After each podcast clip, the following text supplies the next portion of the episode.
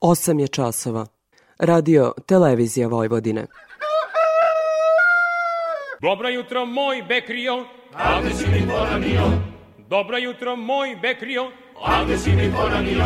Ta kako ne bi poranio kad upravo počinje emisija Radio Novog Sada.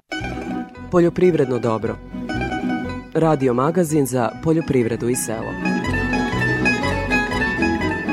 Pred mikrofonom je Stevan Davidović.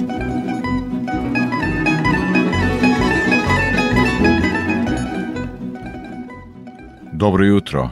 Na većini parcela pšenica uprkos lošim klimatskim uslovima solidno napreduje. Međutim, ima pšenice koja je zbog kiše i vetra polegla i gde će kvalitet i rod biti znatno smanjeni. Na to upozorava i profesor Miroslav Malešević. Nisu gotovi svi problemi. Evo sad zadnjih dana imamo jedan novi problem, masovno poleganje na mestimično kod onih proizvođača koji se nisu držali e, onih preporuka koje smo im davali. Ili gušće su sejali, ili su azot bacali bez kontrole i kiše, obilne kiše su doprinale da ta pšenica polegne. Tu gde je polegla u fazi formiranja zrna, prinos će biti jako umanjen. Tu je onemogućena i primjena zaštitnih sredstava, tako da tu je prinos potpuno neizvestan. Posejani kukuruz takođe trpi zbog viška vlage, dok sa druge strane stručnjaci očekuju dobar rod uljane repice. O stanju useva pšenice, uljane repice i kukuruza u uslovima obilnih padavina govorimo u temi emisije. U nastavku emisije slušat ćemo i o zaštiti bilja, koja je sada izuzetno aktuelna. Biće reči i o poljoprivrednoj mehanizaciji i stočarstvu. Ministarka poljoprivrede Jelena Tanasković kaže da je u ovom trenutku od cene pšenice veći problem što nema tražnje i potpuno je stala trgovina tom žitaricom. Rekla je da traže modele kako da premoste ovaj period. Kada reč o malinama, ona je za RTS rekla da je pred novu sezonu razgovarala sa primarnim proizvođačima, ali i hladnjačarima i da se nada da će doći do nekog rešenja na obostrano zadovoljstvo. Ministarka je protekle sedmice rekla da je počela realizacija sporazuma koji je potpisan sa poljoprivrednicima. Uglavnom već svi koji su se prijavili uredno na e-agrari nemaju nikakvih problema u smislu e, nekog poravnanja stanja ili nekih ispravke koje su ovaj, se dogodile za godine unazad jer to niko nije ni proveravao. Oni su uglavnom dobili već svi po 9000 dinara. Mi od juče zapravo smo krenuli sa isplatom od 18.000 dinara. Mm -hmm. Oni koji su dobili 9000 dinara, oni će dobiti dodatak od još 9 9.000, a ovi koji nisu dobili novac, eto od juče je krenula isplata svih 18, tako da oni neće dobijati 9 plus 9, nego će odmah dobiti pun iznos. Inače, i dalje je javni poziv u toku za genetičke resurse. 12. juna se završava i taj javni poziv i krećemo sa isplatom od 40.000 dinara za svako prijavljeno grlo. Toliko u uvodu sledi muzika, pa izveštaj agrometeorologa. tri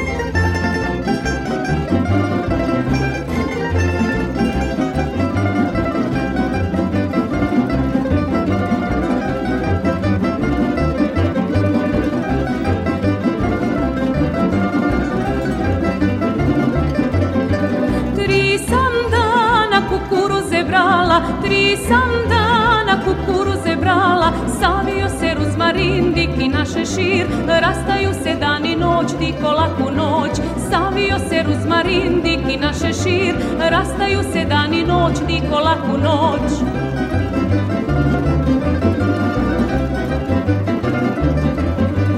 Dok sam dik i kupila duvana, dok sam dik i kupila duvana, savio se ruzmarin, dik i naše šir, rastaju se dan i noć, diko laku noć, savio se ruzmarin, dik i naše šir, rastaju se dan i noć, diko laku noć.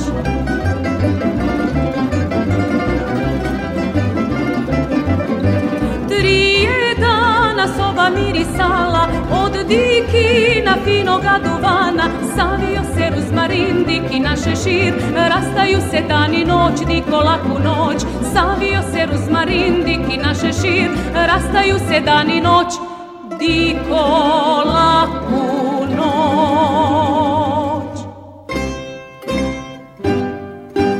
Kao što smo najavili u uvodu u prvim minutima poljoprivrednog dobra, Sledi izveštaj agrometeorologa iz Hidrometeorološkog zavoda Srbije Ljiljane Đingalašević. Protekla sedmica obeležena je promenljivim, relativno toplim vremenom sa čestom pojavom padavina. Jutarnje minimalne temperature su bile u intervalu od 12 do 18 stepeni, a maksimalne dnevne od 20 do 28 stepeni. Toplotni uslovi su bili uglavnom povoljni za rast i razvoj ozimih i jarih useva, kao i za zrenje povrća i ranog voća. Proteklih dana bilo je čestih padavina sa neujednačenim dospelim količinama. U područjima gde je bilo velikih količina padavina i na nižim terenima voda se zadržavala, što je ometalo i usporavalo vegetativni porast useva iz prolećne setve, kukuruza, suncokreta i soje. Česte kiše nisu pogodovale povrću i ranom voću, a ometale su i kosidbu livada i pašnjaka. U pojedinim područjima bilo je olujnih nepogoda sa gradom koji je pričinio štete usevima, voću i drugim aktualnim poljoprivrednim kulturama. Česte padavine u prethodnom periodu uz optimalne temperature i dovoljno duge periode vlaženja lista u više navrata su dovele do ostvarenja uslova za infekciju prozrakovačem čađeve pegavosti lišća i krastavosti plodova jabuke. Na vinovoj lozi koja se nalazi u različitim fazama cvetanja uočeni su simptomi plamenjače, pepelnice i crne truleži. Kod ratarskih kultura skoro svakodnevne padavine uz visoku relativnu vlažnost vazduha izuzetno pogoduju razvoju i širenju prouzrokovača plamenjače krompira i pegavosti lista šećerne repe. U pogledu biljnih štetočina uočeno je prisustvo jaja i piljenje larvi prve generacije šljivinog i jabukinog smotavca. U usevima kukuruza registrovano je prisustvo jajnih legava prve generacije kukuruznog plamenca. Prema prognozi posle promenljivog i nestabilnog vremena tokom vikenda sa kišom, pljuskovima i grmljavinom, u prvoj polovini sledeće sedmice očekuje se promenljivo oblačno vreme sa dužim sunčanim periodima, prvo na severozapadu, a zatim i u ostalim delovima zemlje. U ponedeljak i utorak bi u pojedinim područjima još uvek bilo uslova za kišu i pljuskove sa grmljavinom, uglavnom na jugu i istoku Srbije. U sredu bi u većini mesta preovlađivalo sunčano vreme. Od četvrtka bi ponovo u svim krajevima bilo promenljivo i nestabilno sa kišom, pljuskovima i grmljavinom, lokalno i sa obilnim padavinama. Temperature vazduha bi tokom čitavog perioda uz manja kolebanja bile u granicama višegodišnjeg proseka.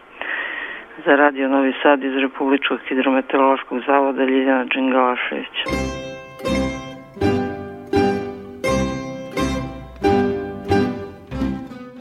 Kišno vreme postiče patogene u biljnoj proizvodnji, o čemu slušamo u izveštaju Milene Mačić iz prognozno izveštene službe za zaštitu bilja.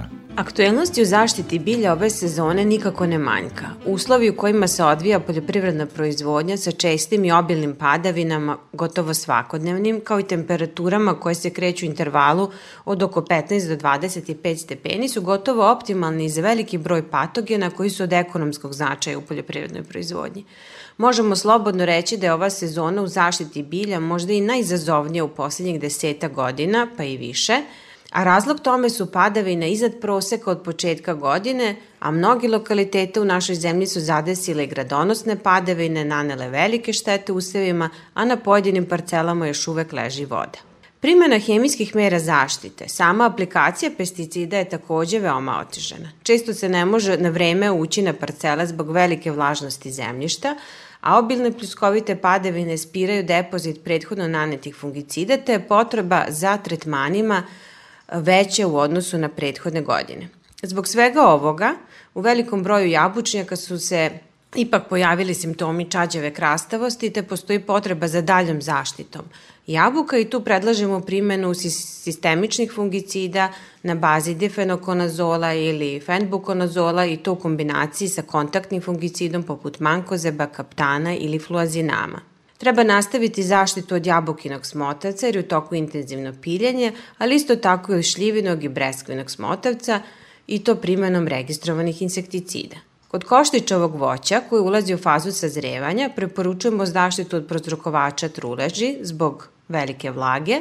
Tu mislimo na srednji kasni sortiment bresaka i nektarina, kasni sortiment višanja koji je najdominantniji i to primenom nekog od fungicida sa kratkom karencom, kao što su Signum, Lumini, Switch, Accord, Luna Experience, naravno u zavisnosti od toga gde je šta registrovano. Kod kasnog sortimenta višanja treba obratiti pažnju na trešinu muvu, čiji se ulovi redovno konstatuju na klopkama. Vinova loza se nalazi u različitim fazama cvetanja i ovo je sada ključni moment za zaštitu od najznačajnijih prozrukovača bolesti, od plamenjače, pepelnice, crne truleži, sive truleži. U zasadima gde nisu sprovedene pravovremene mere, već je konstatovano prisustvo simptoma svih ovih oboljenja, I zato je sada vrlo važno primeniti adekvatne mere, jer kada se zarazi cvast, rod može biti u izuzetno veliko velikoj meri ugrožen. U ovom sada momentu za zaštitu od prozrukovača plamenjače preporučujemo primenu fungicida kao što su Profiler, Mical Flash, Pergado, Ampexio, Orvego ili Forum Star i naravno još preparat za suzbijanje pepelnice i sive truleži kao što je Cantus. Zaštita povrća je izuzetno izazovna ove godine. Možemo reći da je ovo godina plamenjače, pa tako se simptomi ovog oboljenja mogu uočiti usevima krompira, luka, tikvica, krastavaca. Preporučujemo da se ovakvim uslovima skoro svakodnevnih padavina skrati interval između dva tretmana, a da, a da se prednost da sistemičnim fungicidima poput onih na bazi propamokarp hidrohlorida. Ratari, proizvođači kukuruza, treba da obrate pažnju na kukuruznog plamenca – Uslovi sa čestim padavinama i nešto nižim temperaturama od proseka su doveli do razvučenog i leta leptira i polaganja jaja, ali u nedelji koja je pred nama možemo očekivati intenziviranje ovih procesa što će usloviti primenu hemijskih mera zaštite. Proizvođačima šećerne repe preporučujemo prve tretmane za zaštitu od prozrokovača pegavosti lišća od cerkospore. U nedelji za nama smo registrovali PEGI na 1 do 12% biljaka i to prvenstveno u zavisnosti od sortimenta i plodoreda. Međutim, od treće dekade maja, kada su usavi sklopili redove, pa do sada na automatskim metrološkim stanicama zabeleženo je negde i više od 13-14 dana sa visokim rizikom za ostvarenje infekcije ovim patogenom, Tako da u danima pred nama možemo očekivati povećanje broja biljaka sa, sa simptomima te pravo vreme za tretman i to naravno kombinacijom preventivnih i sistemičnih fungicida. Više informacije o štetnim organizmima i merama njihove kontrole mogu se pronaći na portalu prognoz izveštene službe za zaštitu bilja. Srdačan pozdrav svim slušalcima od Milene Marčića.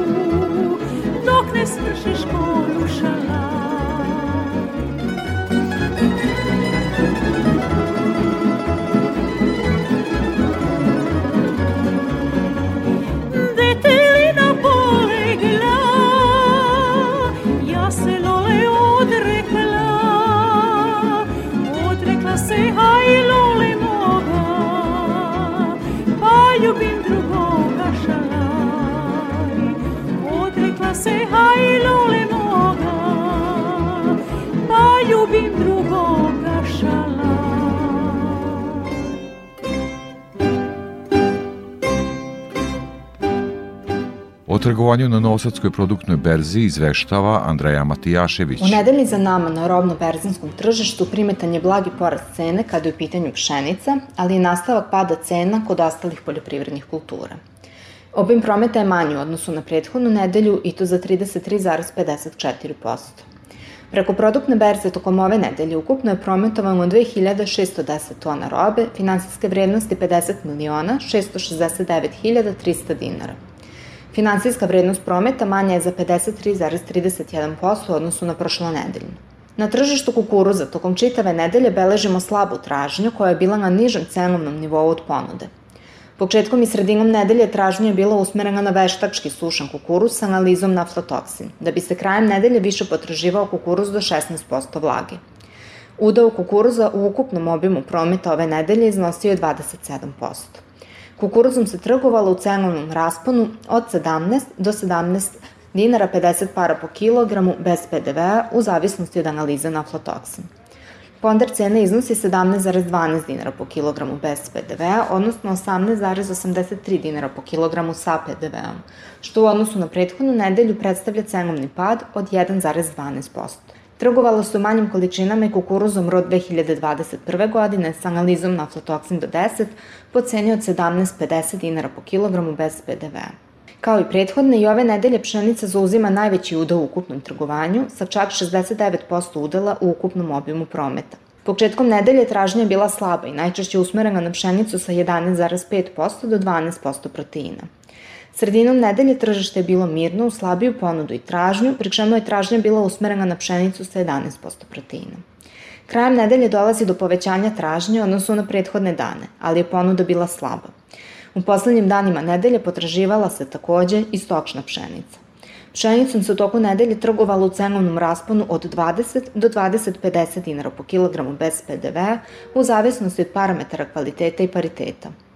Ponder cena iznosila je 20,04 dinara po kilogramu bez PDV-a, odnosno 22,04 dinara po kilogramu sa PDV-om, te je primetan uzlazni trend cene od 1,67% u odnosu na prošlu nedelju. Za razliku od prethodne nedelje, kada je sojino zrno činilo više od četvrtine ukupnog nedeljnog prometa, ove nedelje je tržište bilo veoma mirno, bez zaključenja berzanskih ugovora. Soja se u toku nedelje nudila u cenovnom rasponu od 47,50 do 49,50 dinara po kilogramu bez PDV-a uz obračun kvaliteta. Od ostale robe trgovalo se još stočnim ječmom po ceni od 20,50 dinara po kilogramu bez PDV-a. Suncokretova sačma sa 33% proteina nudila se u toku nedelje po ceni od 37,50 do 38,20 dinara po kilogramu bez PDV-a, ali do trgovanja nije došlo, dok je sojna sačma sa 44% proteina bila u ponudi na 57,50 dinara po kilogramu bez PDV-a. Sa produktne berze Andreja Matijašević.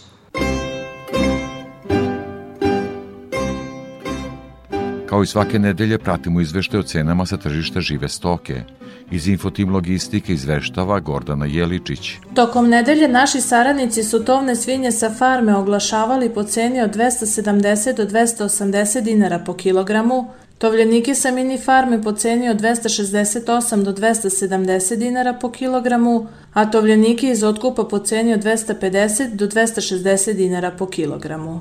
Ukupno je na tržištu ponuđeno oko 1000 tovljenika. Tokom nedelje, pregovori za farmsku robu postizani su najčešće za cenu 270 dinara po kilogramu. Za iduću nedelju, klaničari su izašli sa cenom od 250 dinara po kilogramu. Nazimice za priplod F1 bile su ponuđene po ceni od 50.000 dinara po komadu. Za krmače za klanje imali smo zabeleženu realizaciju po 200 dinara po kilogramu.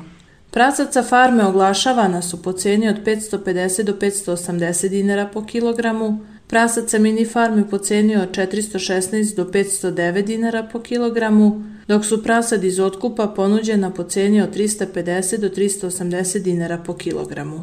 U ponudi smo imali više od 500 prasadi. Jagnjac su ponuđena po ceni od 370 do 388 dinara po kilogramu, Ovce za klanje su ponuđene po ceni od 185 dinara po kilogramu. Klaničari slabije kupuju jagnjat i za iduću nedelju će plaćati 370 dinara po kilogramu sa uračunatim PDV-om. Bikovi rase Holstein oglašeni su po ceni od 278 do 326 dinara po kilogramu, bikovi simentalci po ceni od 315 do 359 dinara po kilogramu. Tokom nedelje imali smo prijavljene realizacije za bikove rase Simental po ceni od 315 i 326 dinara po kilogramu. Za bikove simentalce klaničari su spremni da plate do 300 dinara po kilogramu, a za bikove Holstein 275 dinara po kilogramu. Kad je živina u pitanju, jednodnevni pilići teške linije ponuđeni su po ceni od 54 do 63 dinara po komadu, Cena tronedeljnih pilića bila je 185 dinara po komadu, a cena koka nosilja po ceni od 555 dinara po komadu. Tovni pilići su ponuđeni po ceni od 170 dinara po kilogramu. Cene su izražene bez PDV-a. Za Radio Novi Sad, Gordana Jeličić iz Infotim Logistike.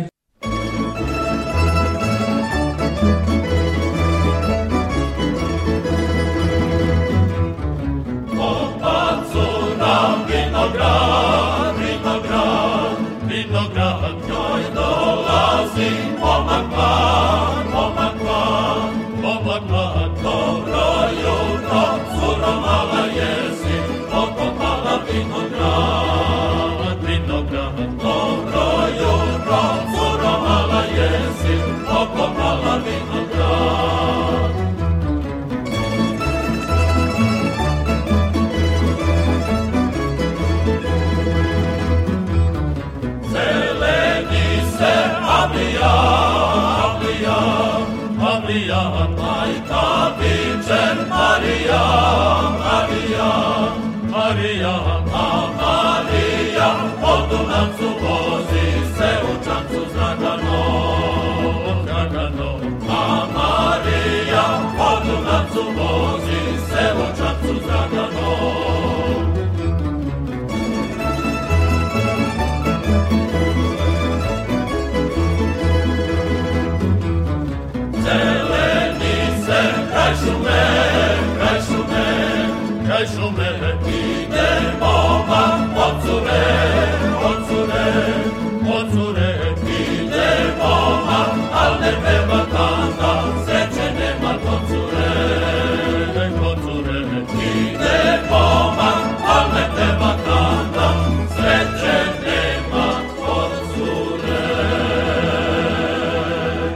Poljoprivredno dobro. Radio Novi Sad. Tema emisije.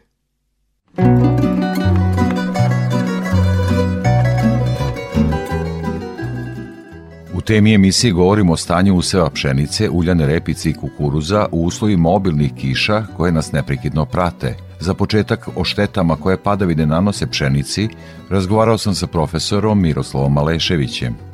Profesore, na osnovu vašeg velikog iskustva, ova godina je zaista specifična. Šta je za očekivati, kakva je situacija na njivama? I pored svih nedaća, ja bih rekao da pšenica još uvek solidno izgleda i još uvek obeđava jedan solidan prinos. Nisu gotovi svi problemi.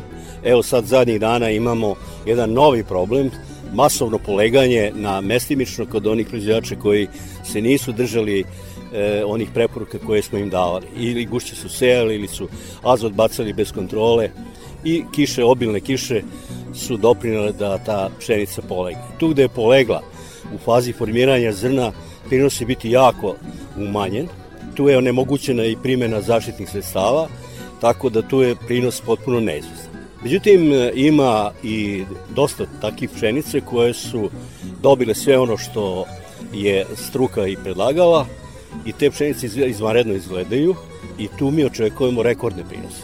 Kad kažem rekordne, znači ne treba da se iznenadimo ako bude rezultata od preko vagona, znači oko 10 tona po hektaru, sigurno će biti, ovaj, pratimo te, te proizvođače i verujem da će tako, da će oni to ovaj, da će dati. E, do žetu imamo još nekih 20 dana, 25 dana, znači negde posle 1. jula bi moglo da se desi ovaj, sazrevanje kod simonide, na primer, ali tek tamo od petog bi moglo biti masovnija početak, masovniji početak žetve.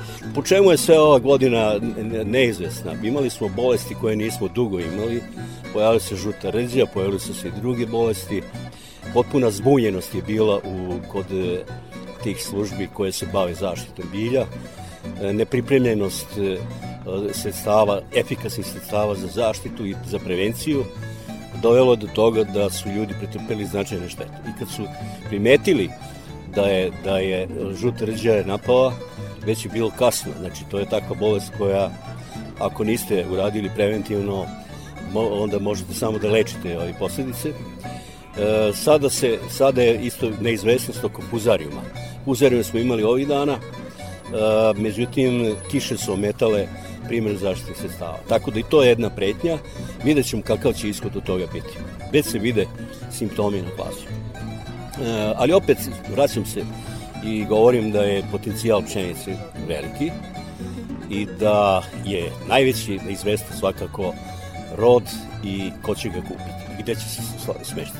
upotreba nesertifikovanog semena, taj preteran rast, se, koliko se sad vidi taj problem kad su ovako teški uslovi?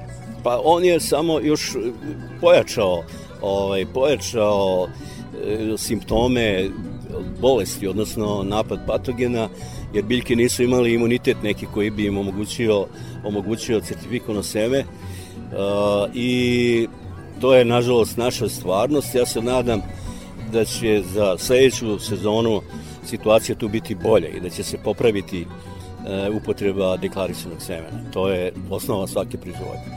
Međutim, naravno, do toga perioda ostaje još dosta ovaj, puno drugih stvari koje će uticati na buduću setvu. O stanju useva uljane repice razgovarao sam sa stručnjakom na Novosadskom institutu za ratarstvo i povrtarstvo Ano Marjanović Jeromelom. Evo davnih polja Novosadskog instituta za ratarstvo i povrtarstvo, pšenica, ali i uljana repice. O tome smo nedavno razgovarali. Kako je stanje useva? E, možemo reći da smo vrlo zadovoljni trenutnim stanjem useva na većini vojvođanskih, ali i parcela u centralnoj Srbiji, s obzirom da se uljana repica značajno proširila i na druga proizvodna područja ove godine, zahvaljujući povoljnim vremenskim uslovima u vreme setve i vremenski uslovi tokom zime su pogodovali uljanoj repici. E, imali smo nekih iznenađenja kao što je rano kretanje u cvetanje, odnosno brz polazak kroz fenofaze samom početku proleća, Neki proizvođači su se i plašili da nećemo postići dovoljan prinos i da će prerano cvetanje možda dovesti do propadanja izvesnog dela cvetova, odnosno neoplođenih ljuski. Međutim, za sada, koliko vidimo, parcele izvedaju odlične, prinos obećava. Ono što nas malo plaši jesu olujni vetrovi i mogućnost da takav usev polegne. Usev je težak, e, seme se naliva, dobro se naliva, krupno i teško Ono što je bitno to je da proizvođači u ovom momentu pripreme sve što je neophodno za žetvu. Znamo da je neki običan i redoslad normalan da ide ječam, uljana repica, zatim pšenica, no bude li vreme ovakvo i dugo kiša može se desiti da nam se ove žetve e, isprepletu, tako da je važno da racionalno raspolažemo resursima na svojim gazdinstvima i da na vreme pripremimo kako e, naše žetvene kombajne, tako i parcele, tako i odvoženje s parcele, odnosno transport sa parcele i skladišta gde ćemo skladištiti naše e, seme uljane repice pre nego što bude predato dalje prerađivačima. Dok agronomska situacija raduje, kakva je situacija komercijalna? Znam da to nije vaše uže stručno, ali ste u kontaktu s poljoprivrednicima, niske cene generalno u ratarstvu. Šta je s uljanom repicom?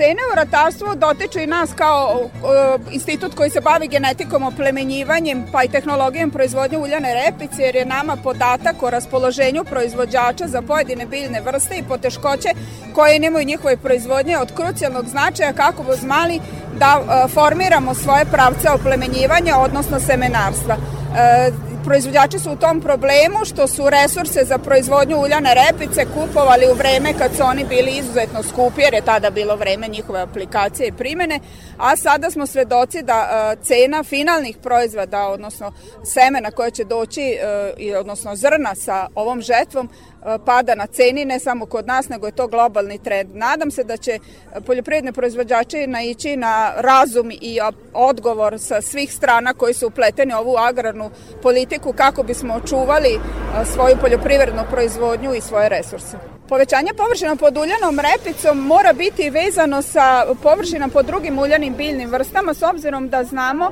da površine pod uljanim vrstama po pravilnim pravilima agrotehnike ne bi trebale da prelaze 20% s obzirom da se oni međusobno prepliču u pojedinim bolestima i da idu jedna nakon druge nakon četiri godine. Verujem da poljoprivredni proizvođači su to profesionalci, će voditi računa da pravilni plodored kao da osnovnu agrotehničku meru svakako primene i proizvodnje uljane repice. Stručnjak Novosadskog instituta za ratarstvo i povrtarstvo Ana Marjanović i Romela, velikom hvala. Hvala vama.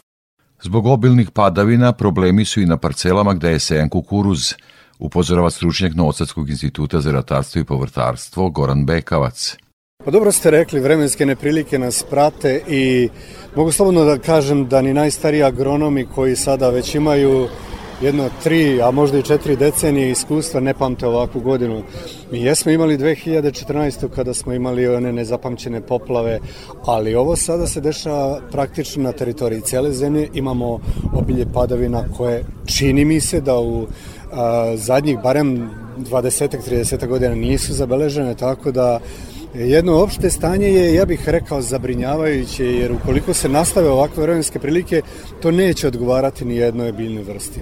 Pa kukuruz se nekako drži, znate, na, na višim terenima on je dobar, međutim mi i na svim parcelama imamo mikrodepresije e, koje su sada već u takvom stanju da kukuruz pati od anaerob, zbog anaerobnih uslova, znači tu je e, profil zemljišta prezasićen vlagom, e, koren kukuruza praktično ne može da diše i ukoliko se ponovit ću još jednom, nastave ovakve vremenske prilike, to neće dobro biti ni za kukuruz, ni za suncokret, ni za soju, ni za druge ratarske biljne vrste. Evo, mi ćemo, ako gledamo kalendar za nekih mesec dana, početi sa žetvom e, pšenice.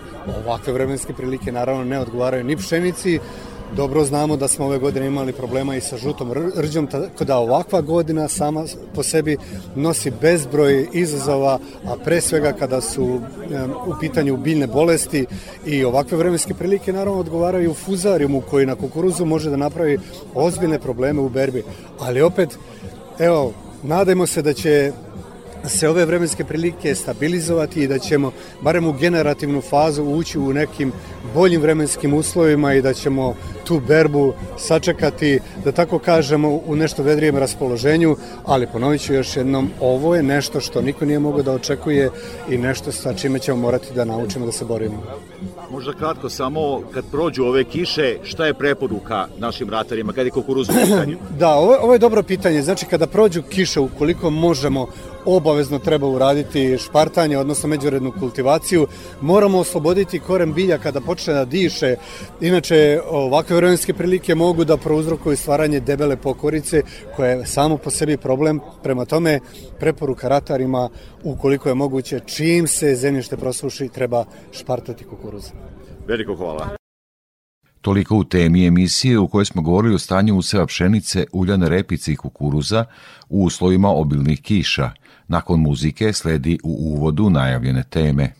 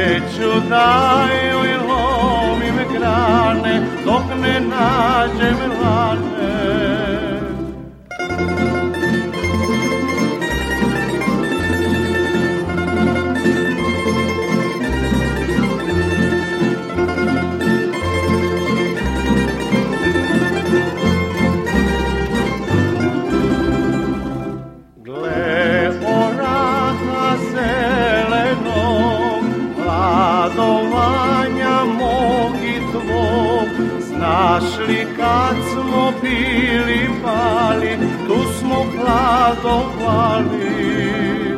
Znaš li kad smo bili mali, tu smo hladovali.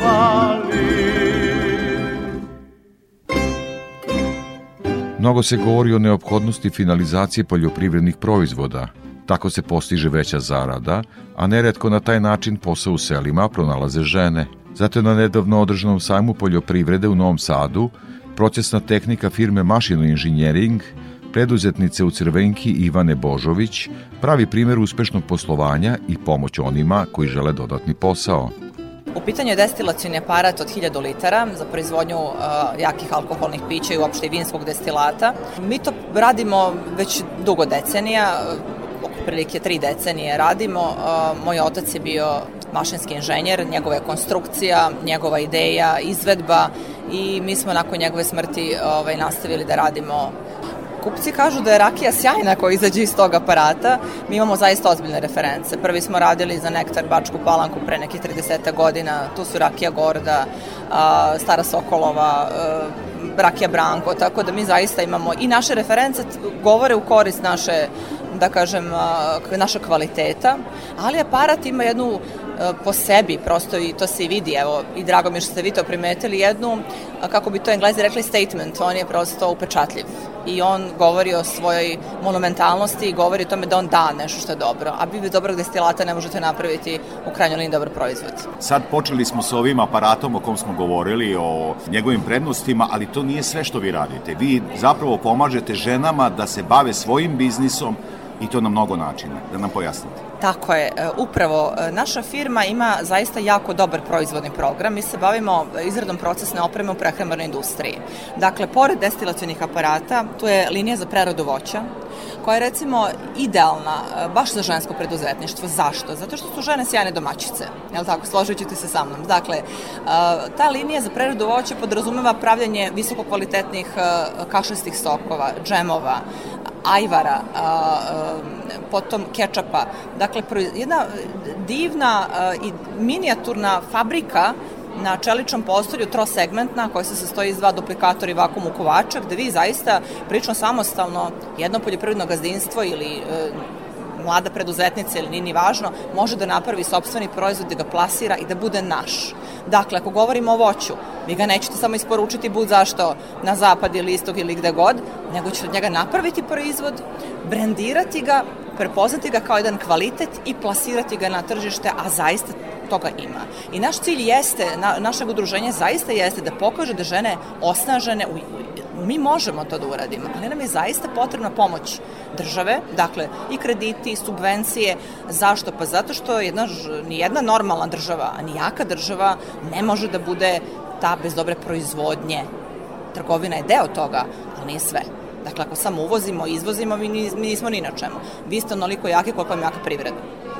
I recite mi, zaista sjajna, ovaj, sjajna mogućnost za preduzetnice u Vojvodini, u Srbiji, pa i u svetu, jer vaš proizvod Kako pretpostavljam, da o tom ćemo sad razgovarati.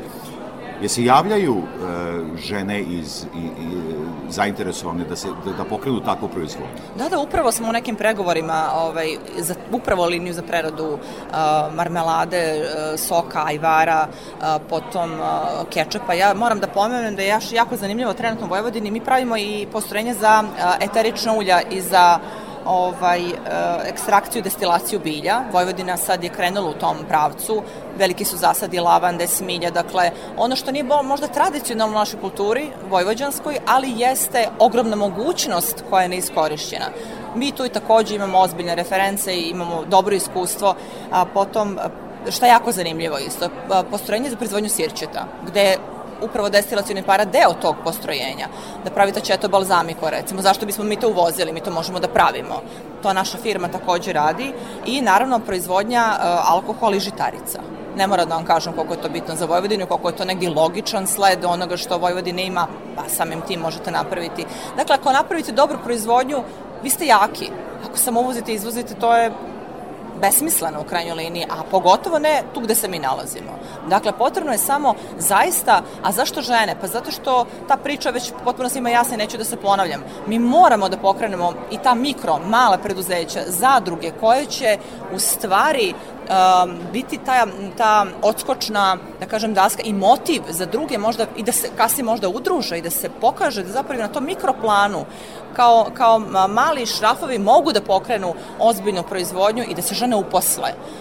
Ja neću da kažem iz lične, ne moram da kažem iz samo iz lične ovaj, perspektive koliko to znači, uh, koliko je ta satisfakcija za svaku ženu, koliko je bitno da se osjećate ne samo, samo vrednovano, nego da vi privređujete i da vi ne zavisite ni od koga, da niste neki šrafčić u nekakvim konglomeratima i nekakvim ovaj, velikim preduzećima, nego da vi zaista pravite nešto i zaista je fenomenalan osjećaj, ja vam to sad mogu reći, a, kad vi nešto sop, napravite sami i taj proizvod ima vrednost, prepozna ste na tržištu i vi ga plasirate. To je zaista. I učinite nešto ne samo dobro za sebe, nego za celokupno društvo.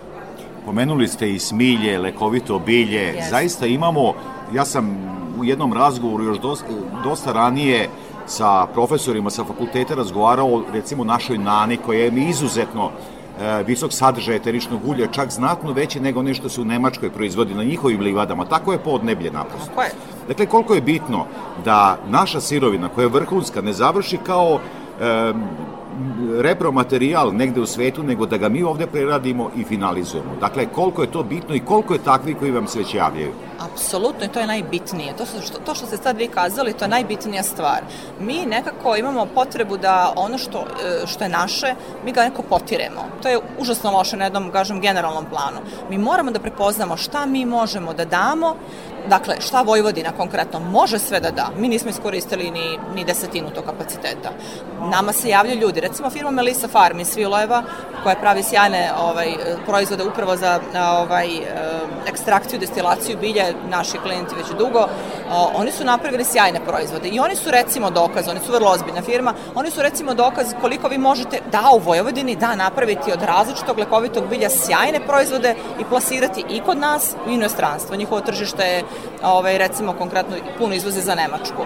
Dakle, naši kapaciteti su izuzetni, prepoznatljivost je nikakva, a nama je tu potrebna strateška pomoć države. Jer vi znate, kad izračunate, vi trebate da uložite u opremu, ali vama se ona brzo isplati. Zašto? Pa zato što to nije e, stvar koju vi držite u sobi i gledate u nju. Ona pravi novac. I za kraj razgovora, mnogi koji su nas sada slušaju, pre svega žene koje hoće da budu preduzetnici, žele bi da ovde uđu, imaju oko sebe lekovito bilje, imaju voće koje može da se preradi i u pekmez i u rakiju i tako dalje, da ne ulazim u tehnologiju. Vaša poruka i kako da vas pronađu i vi ste u udruženju preduzetnica Vojvodine, kako da stupe s vama u kontakt, gde su prostorije, gde je udruženje? Mogu se obratiti, imamo i naš Instagram profil i Facebook profil, dakle, žene će to naći kad budu želele. Dakle, mi smo tu, zaista, i moja e, apsolutno jasna poruka je da budu hrabre, da se odvaže, i da traže pomoć od države, ona, je to, ona to treba da im da, da zaista postoji ogroman potencijal. Potrebno je samo malo hrabrosti i da budu vredne. Veliko hvala za ovaj razgovor i učešće u programu Radio Novog Sada. Hvala vama mnogo.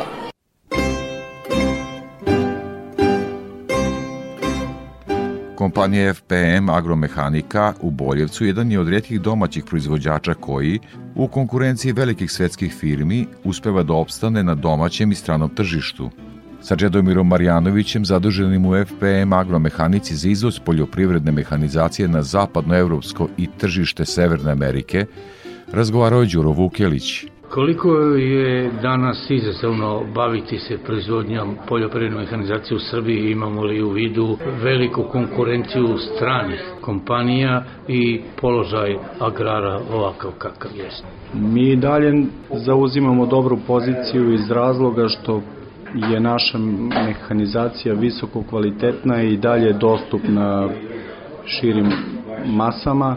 Stvarno je taj m, cena, kvalitet, odnos jako dobar i iz tog razloga smo trenutno prisutni u preko 50 zemalja i udeo prodaje, znači odnos iz proizvodnje, sve što izlazi 85% ide u izvoz. I dalje zauzimamo dobru poziciju, iako mi kao najveći proizvođač poljoprivredne mehanizacije u jugoistočnoj Evropi, najbližu konkurenciju nalazimo u Sloveniji i Italiji, tako da za tržišta Zapadne Evrope, Amerike, skandinavske zemlje, Ujedinjeno kraljevstvo i dalje imamo jako dobre rezultate. Što se tiče domaćih tržišta, koliko su vaši proizvodi, vaša mehanizacija dostupna poljoprivrednicima u Srbiji?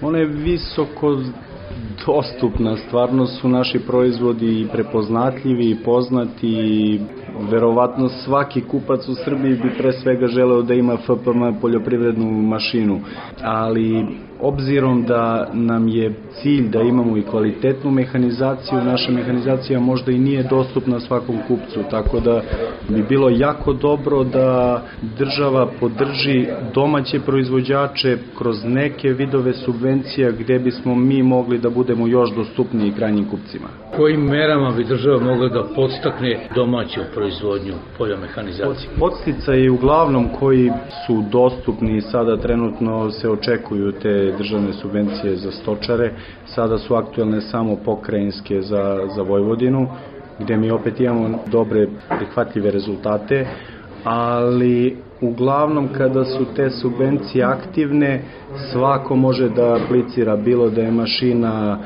kineskog porekla, italijanskog, poljskog, turskog, nemačkog, a do sada su stvarno ili znači nedostupne te subvencije gde krajnji kupac može da aplicira konkretno za proizvod koji je domaćeg porekla. Da li planirate proširenje proizvodnje i da li imate podršku države i fondova u tome? U tom smislu možda i imamo za neke projekte koje s obzirom da razvoj našeg programa mi već imamo širok program poljoprivredne mehanizacije i glavni cilj nam je da širimo i razvijamo nove proizvode kako bismo bili u toku sa inovacijama, obzirom opet da su naša glavna tržišta Nemačka, Francuska, Severna Amerika, Imamo podršku za razvoj nekih novih proizvoda, do sada smo imali za dva tipa proizvoda, tako da u tom smislu imamo neku podršku, ali je jako bitno da i krajnji kupci ovde u Srbiji, poljoprivreda je osnov svega. Da ste imali podršku u smislu za otvaranje novih radnih mesta? Imamo inače dualno obrazovanje. Trudimo se da što više zapošljavamo naše ljude, opština Boljevac je jako mala, ali bukvalno svi kapaciteti, radnici, svako ko može i ima neke predispozicije, dobrodošao je da dođe. Mi kao fabrika sa 230 zaposlenih uvek imamo prostora da zaposlimo nove kapacitete. U tom smislu mislim da, da smo uradili dobar posao i da kroz to dualno obrazovanje gde nam dolaze mladi perspektivni kadrovi idemo u dobrom pravcu. Zemljoradnička zadruga Agro Dunav u Karavukovu postoji od 1948. godine. Farma krava u vlasništvu ove zadruge ima više od 400 grla, a ističu da su im subvencije Resornog ministarstva pre nekoliko godina dobro došle kako bi unapredili proizvodnju, izveštava Vesna Milanović-Simičić. Farma krava zemljoradničke zadruge Agrodunav u Karavukovu ima dnevnu proizvodnju od 4200 litara mleka. U zadruzi napominju da se cena mleka i disparitet u troškovima proizvodnje smatraju dugoročnim problemima mlečnog govedarstva. Model rešenja problema može biti, kako kažu, u udruživanju. Ističe Stevan Stanojković, direktor Agrodunava u Karavukovu. Opstajemo na taj način što se trudimo da radimo najbolje što znamo i umemo, ali je sve teže i teže. Pre svega se bavimo zato što koristimo stajnjak za đubrenje naših njiva jer je zemljište tako da bez toga bi bio problem i ratarska proizvodnja. Ova zadruga je korisnik subvencija od Ministarstva za brigu o selu. Pa mi smo pre pet godina dobili 100.000 eura od Ministarstva za brigu o selu i Sa tim parama smo kupili 50 e, visokosteonih junica simentalske rase koje se trenutno nalaze ovde. Naravno da one su umeđu vremenu davale svoje potomstvo i trenutno je negde oko 480 grla se nalazi, povećali smo broj grla, e, povećali smo i količinu mleka koju proizvodimo, e, promenili smo i rasni sastav. Zemljoradnička zadruga Agro Dunav u Karavukovu smatra se primerom dobre prakse. Obrađuju 1800 hektara sobstvene površine. U sastavu imaju farmu krava, voćnjak trešanja od 20 hektara i doradni centar.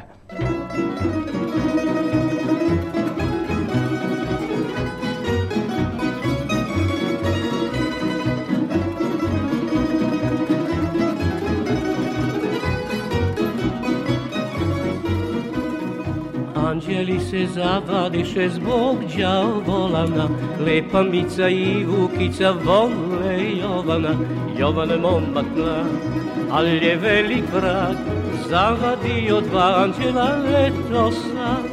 Jovan momak ali je velik vrag, zavadio dva anđela letosa.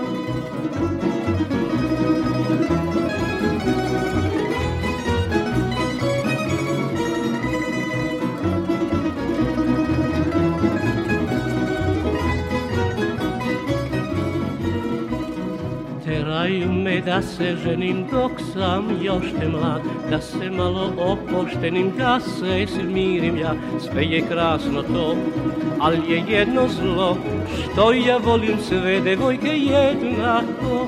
Sve je krasno to, al je jedno zlo Što ja volim sve devojke jednako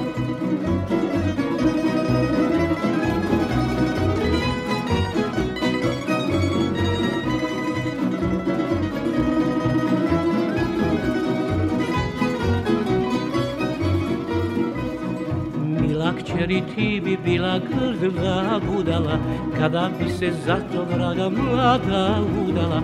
Neka nek je vrag, on je meni drag Dođi vraže, odnesi me odmah sad Neka nek je vrag, on je meni drag Dođi vraže, odnesi me odmah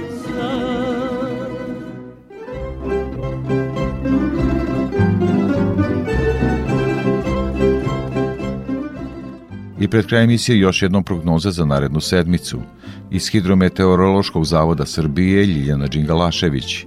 Prema prognozi posle promenljivog i nestabilnog vremena tokom vikenda sa kišom, pljuskovima i grmljavinom, u prvoj polovini sledeće sedmice očekuje se promenljivo oblačno vreme sa dužim sunčanim periodima, prvo na severozapadu, a zatim i u ostalim delovima zemlje.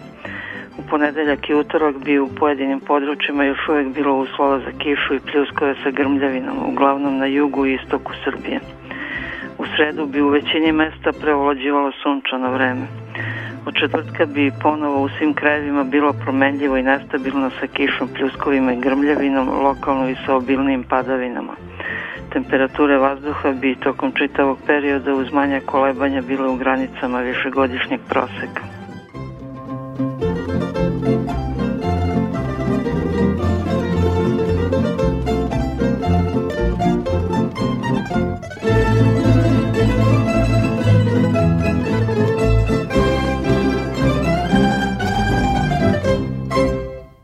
To bi bilo sve što smo pripremili za ovo izdanje poljoprivrednog dobra Radio Novog Sada. Emisiju montirao Jovan Gajić. Muziku birao Aleksandar Stojanović. Pozdravlja vas urednik i voditelj Stevan Davidović. Naredni susret je za sedam dana uz posjećanje, da emisiju možete slušati i odloženo na portalu Radio Televizije Vojvodine na adresi rtv.rs. Svako dobro.